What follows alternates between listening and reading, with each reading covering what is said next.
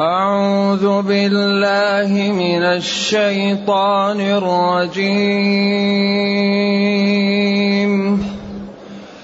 قل للمخلفين من الأعراب ستدعون إلى قوم أولي بأس شديد. تقاتلونهم أو يسلمون. تقاتلونهم أو يسلمون فإن تطيعوا يؤتكم الله أجرا حسنا. وإن تتولوا كما توليتم من قبل يعذبكم يعذبكم عذابا أليما ليس على الأعمى حرج ولا على الأعرج حرج ولا على الأعرج حرج ولا على المريض حرج. ومن يطع الله ورسوله يدخله جنات تجري من تحتها الأنهار. ومن يطع الله ورسوله يدخله جنات تجري من تحتها الأنهار. ومن يتول يعذبه عذابا اليما. لقد رضي الله عن المؤمنين إذ يبايعونك تحت الشجرة فعلم ما في قلوبهم. لقد رضي الله عن المؤمنين إذ يبايعونك تحت الشجرة فعلم ما في قلوبهم. فأنزل السكينة عليهم فأنزل السكينة عليهم وأثابهم فتحا قريبا. ومغانم كثيرة يأخذونها وكان الله عزيزا حكيما. وكان الله عزيزا حكيما وعدكم الله مغانم كثيرة تأخذونها فعجل لكم هذه فعجل لكم هذه وكف أيدي الناس عنكم وكف أيدي الناس عنكم ولتكون آية للمؤمنين ويهديكم صراطا مستقيما ويهديكم صراطا مستقيما وأخرى لم تقدروا عليها قد أحاط الله بها. وأخرى لم تقدروا عليها قد أحاط الله بها. وكان الله على كل شيء قديرا. ولو قاتلكم الذين كفروا لولوا الأدبار.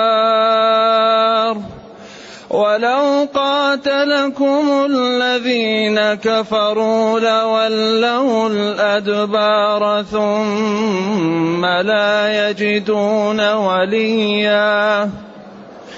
ثم لا يجدون وليا ولا نصيرا. سنه الله التي قد خلت من قبل سنة الله التي قد خلت من قبل ولن تجد لسنة الله تبديلا. الحمد لله الذي أنزل إلينا أشمل كتاب وأرسل إلينا أفضل الرسل وجعلنا خير أمة أخرجت للناس. فله الحمد وله الشكر على هذه النعم العظيمة. والآلاء الجسيمة والصلاة والسلام على خير خلق الله وعلى آله وأصحابه ومن اهتدى بهداه. أما بعد فإن الله تعالى يبين في هذه الآيات أنواع الشرائح شرائح الأمة شرائح الخلق وصفات الشرائح وجزاءها.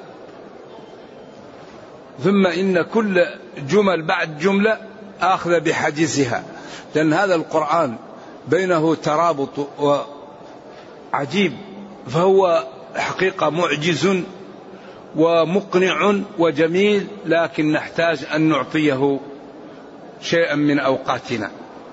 فيقول جل وعلا سيقول المخلفون من الأعراب من الأعراب قل للمخلفين من الأعراب. يقول تعالى قل للمخلفين من الأعراب ستدعون إلى قوم أولي بأس شديد. لأن هذه الشريحة التي منعت أن تذهب إلى خيبر مع النبي صلى الله عليه وسلم تأثرت وتألمت من ذلك. وقالوا أنتم تحسدوننا. وقد أخبر الله المسلمين أنهم سيذهبون إلى خيبر بمفردهم ولا يشاركهم غيرهم من المسلمين. لمسارعتهم للذهاب معه ولمبايعتهم له تحت الشجرة كما سيأتي. فلما حزن هؤلاء وتألموا فقال الله لنبيه قل لهم يا نبي قل للمخلفين من الأعراب والأعراب سكان البادية من العرب. وقد يطلق تجوزا على ساكن البادية. لكن الأعرابي هو البدوي من العرب الذي يسكن البادية. وقد يتجوز فيقال للبدوي ولكن هو للعربي الذي يسكن البادية. قل يا نبي للمخلفين الذين لم يذهبوا معك إلى خيبر إلى الحديبية ومنعوا من أن يذهبوا معك لخيبر. لأنه جعلها مكافأة وخاصة لهؤلاء الذين بايعوا على الموت. ستدعون إلى قوم أولي بأس شديد. ستدعون إلى قتال قوم شجعان وأقوياء. وللعلماء في ذلك ستة أقوال. والطبري قال الذي يفهم من النصوص أنهم قوم رجال أقوياء شجعان. ولم يبين الله أنهم من أي جهة ولم يأتي نص يبين ذلك. فمنهم من قال هوازن ومنهم من قال ثقيف ومنهم من قال بنو حنيفة ومنهم من قال الفرس ومنهم من قال الروم ومنهم من قال الفرس والروم. ومنهم من قال الله لم يبينهم ونبيه لم يبينهم هم قوم أولو بأس شديد أقوياء. وهؤلاء القوم تقاتلونهم أو تقولون لهم إما أن تدخلوا في الإسلام وإما أن نقاتلكم وهذا قد يستدل به على جماعة مسيلمة لأنهم كانوا شجعان وسبق لهم أن أسلموا والذي دخل في الإسلام وخرج منه لا يقبل منه إلا الإسلام أو أيوه. إلا القتل أو الإسلام. ما يقبل منه أنه الذي دخل في الإسلام لا يخرج منه. من بدل دينه فاقتلوه. لكن يؤجل يوم يومين. إذا كانت عنده شبه تزال. فإن تطيعوا أيها الممنوعون من الذهاب إلى خيبر وتلتزموا وتقاتلوا كما أمرتم يؤتكم الله أجرا حسنا. وإن تتولوا كما توليتم من قبل ولم تذهبوا مع نبيكم إلى الحديبية يعذبكم الله عذابا أليما أو نعذبكم عذابا أليما. نعم. هنا لما جاء التولي تطالعت النفس واشرعبت طيب من لم يكن عنده القوة فما لا يكون عليه؟ فقال الله تعالى ليس على الأعمى حرج ولا على الأعرج حرج ولا على المريض حرج. ما جعل عليكم في الدين؟ هذا الدين دين يسر. الأعمى فاقد البصر والمريض هو الذي اعتلت صحته ولم يستطع أن يبالغ العمل لمرض أو لزمانه. والأعرج هو الذي إذا مشى كان يخطل في إحدى رجليه. في رجليه, رجليه مرض فإذا مشى يختل مشيته وتوازنه. فهؤلاء لا حرج عليهم في ترك الجهاد لأنهم معذورون بما نالهم من المرض ومن العاهة. ومن يتولى من غير أن يكون له عذر ومن يطع الله ورسوله يدخله جنات تجري من تحت يدخل الله جنات تجري من تحتها النار. ومن يتولى من غير عذر ومن غير اضطرار لذلك يعذبه الله جل وعلا عذابا أليما. إذا هنا قال من أطاع دخل الجنة ومن عصى عذب. وكم من هذا المعنى تكرر في هذه الآيات. ثم أراد أن يوضح لخلقه هذه الشريحة الطيبة الفضيلة النبيلة التي سابقت في مرضاة الله ومرضاة رسوله صلى الله عليه وسلم وبذلت أغلى ما تملك وهو نفوسها. فقال جل وعلا لقد رضي الله عن المؤمنين. لقد اللام تأكيد وقد تأكيد.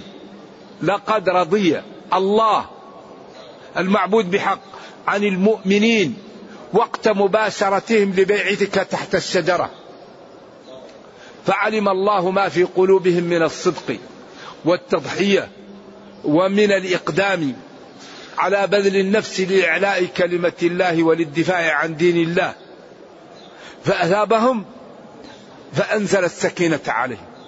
ملأ قلوبهم من الطمأنينة والانشراح وغير ما كان في قلوبهم من الحزن والألم وما كان فيهم من الأسى على ذلك الصلح الذي سماه ربنا فتحا كبيرا ووقع للمسلمين منهم ما وقع لأنهم لا يعلمون الغيب.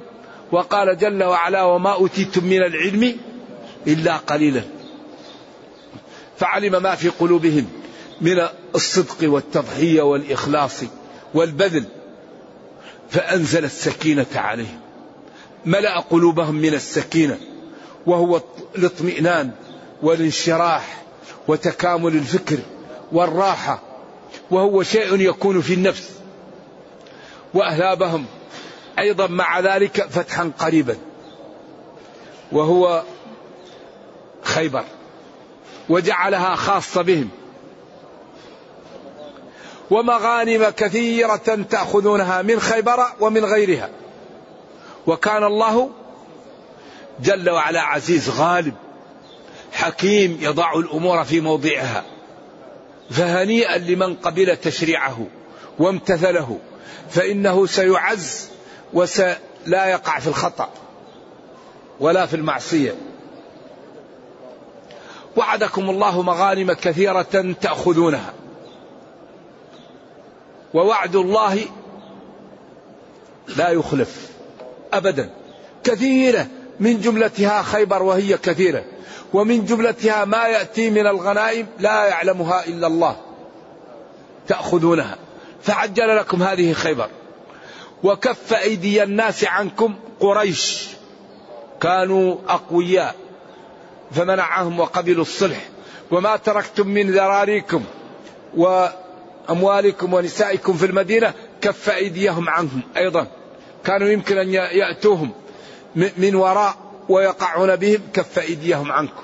ولتكون هذه علامة للمؤمنين على نصر الله لهم وعلى عزة الإسلام وعلى أن نبينا صلى الله عليه وسلم جاء بالحق وجاء بالخير.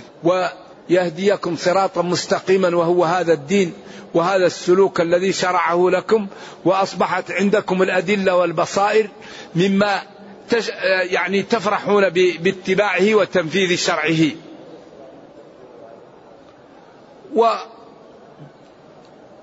وأمور أخرى لم تقدروا عليها قد أحاط الله بها سواء كان الذي جاءهم وأرادوا أن يوقعوا به فمكنهم منهم أو غير ذلك من أعدائكم التي ما كنتم تستطيعونهم مكنكم الله منهم ودفعهم عنكم بتدبيره جل وعلا. وكان الله على كل شيء أراده قدير ومن جملة ذلك ما ذكره من كف أيدي قريش عنكم ومن هذا الصلح الذي حصل وكان الفتح المبين عشر سنين فأصبح المسلمون يذهبون ويأتون ويبلغون الناس الدين وأصبح من دخل في الإسلام من المسلمين يذهب ويكمن في الجبال فيقتل الكفار ويأخذ أموالهم. وأصبحت فتح للمسلمين من كل جهة. ولو فرضنا أن الذين كفروا قاتلوكم لملأ الله قلوبهم من الخوف وولوا الأدبار ثم لا يجدون وليا ولا نصيرا. سن الله ذلك سنة وهو أنه ينصر أولياءه ويهزم أعداءه. ولن تجد لسنة الله جل وعلا تبديلا ولا تحويلا وهو هو أنه ينصر أتباع دينه ويهزم أعداء دينه. هذا لا ينخرم. وإذا وقعت هزيمة للمسلمين فسببها أن المسلمين لم يقوموا بما فرض عليهم. لا بد أن نعلم هذا. سبب هزيمة المسلمين وتسلط أعداء أعدائهم عليهم سببه مخالفة المسلمين. فإذا التزم المسلمون بدينهم وعملوا بشرعهم وأعدوا ما يستطيعون لأعدائهم فلا بد أن ينتصروا. لأن الله تعالى يقول أوفوا بعهدي أوفي بعهدكم. ويقول وإن جندنا لهم الغالبون. فليست القضية بكثرة العدد ولا العدد ولا بكثرة السلاح ولا بالتدريب مطالبون بهذا. ولكن النصر يأتي للمسلمين بالإيمان والإعداد. الإعداد الحسي وهو يعني القوة. ما نستطيع من قوة. والإعداد المعنوي وهو التعلق بالله والإيمان. ركنا الانتصار للمسلمين اثنان. الركن الأول الإيمان. يمتلئ قلب العبد من الإيمان ولا يخالف. الركن الثاني إعداد ما يستطيع من العدة ولو عصى فإذا قام المسلمون بالركنين حتما إيش؟ ينتصروا. والدليل على ذلك غزوة الأحزاب الخندق. الخندق أكبر دليل غزوة الأحزاب وتسمى غزوة الخندق. طبعا هؤلاء لما صالحوا كان في ظاهر الصلح مجحف في الحديبية. من جاءهم لا يردوه ومن جاء المسلمين يردوه. وأشياء أزعجت كثير من المسلمين حتى عمر كان يقول له يأتي لأبي بكر ويقول له نرضى الدنيا. يقول له إنه رسول الله. ولما جاء للنبي قال لا أخالف ربي. بعدين كان هذا فتح عظيم. وبين المهم أن المسلمين ينتصروا بركنين الركن الأول الإيمان والاستقامة وعدم المعصية والالتجاء إلى الله. لأن والركن الثاني الإعداد. وأعدوا لهم ما استطعتم. ألا إن القوة الرمي فلما قام المسلمون بالركنين في الأحزاب نصرهم الله. وأنزل الملائكة وأنزل الرياح وهزم الأحزاب وامتن على المسلمين علما بأن الذي جاء قريش وغطفان وهوازن والأحابيش وجاءوا من فوق المدينة ومن أسفلها حتى وصف الله الموقف وقال إذ جاءوكم من فوقكم ومن أسفل منكم وإزاغت الأبصار وبلغت القلوب الحناجر. قالوا في المعنوي هذا ما وعدنا الله ورسوله وصدق الله ورسوله وما زادهم إلا إيمانا وتسليما. وقاموا بالركن المادي بحفر الخندق وهذا أكبر سبب حسي مادي يقومون به. فلما قاموا بالركنين هزم الله الأحزاب وامتن على المسلمين وقال جل وعلا يا أيها الذين آمنوا اذكروا نعمة الله عليكم إذ جاءتكم جنود فأرسلنا عليهم ريحا وجنودا لم تروا إذا الذي يهزم بالرياح وبالملائكة ينبغي أن تكون العلاقة معه على ما أراد. نرجو الله جل وعلا أن يرينا الحق حقا ويرزقنا اتباعه وأن يرينا الباطل باطلا ويرزقنا اجتنابه وأن لا يجعل الأمر ملتبسا علينا فنضل. اللهم ربنا أتنا في الدنيا حسنة وفي الآخرة حسنة وقنا عذاب النار. اللهم اختم بالسعادة آجالنا واقرم بالعافية غدونا وآصالنا. سبحان ربك رب العزة عما يصفون وسلام على المرسلين والحمد لله رب العالمين وصلى الله وسلم وبارك على نبينا محمد وعلى آله وصحبه والسلام عليكم ورحمة الله وبركاته. بالأمس سألني أحد الإخوان عن قوله تعالى إن الله لا يهدى من يضل وما لهم من ناصرين. هذه الكلمة لا يهدي لا يهدى فيها قراءتان. قراءة الكوفيون قراءة الكوفيين الذي هو عاصم وحمزة والكسائي وخلف العاشر. هؤلاء الأربعة يقرؤون لا يهدي من يضل لا يهدي من يضل. ويكون لا يهدي الله من يضل فتكون من مفعول به. نعم. وفي قراءة يعني معنى آخر لا يهدي بمعنى يهدي بمعنى يهتدي. لا يهتدي من يضله الله. نعم. القراءة الأخرى الذي سأل عنها الأخ بالأمس لا يهدى. لا يهدى من يضل قرأ بها نافع. وابن كثير وأبو عمرو وابن عامر وأبو جعفر ويعقوب الحضرمي. ستة من العشرة وتلك قرأ بها أربعة من العشرة. لا يهدى. ويكون لا يهدى من يضل والباقون بضم ال...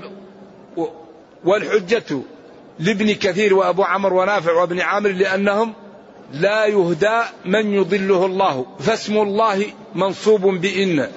ويهدى الخبر. يكون لا يهدى من يضل. إن الله أيوة لا يهدى من يضل. إن تحرص على هدى هداهم فإن الله لا يهدى من يضل. فتكون يهدى خبر إن ومن يضل أي من يضله الله من يضله ويكون والحذف عندهم كثير ومن موصولة ودائما لازم لها من صلة وصلتها تحذف إذا كانت منصوبة. إذا فإن الله لا يهدى من يضله. من يضله الله لا يهدى. أيوه. ويكون من؟ نائب الفاعل. هذا هو والله أعلم.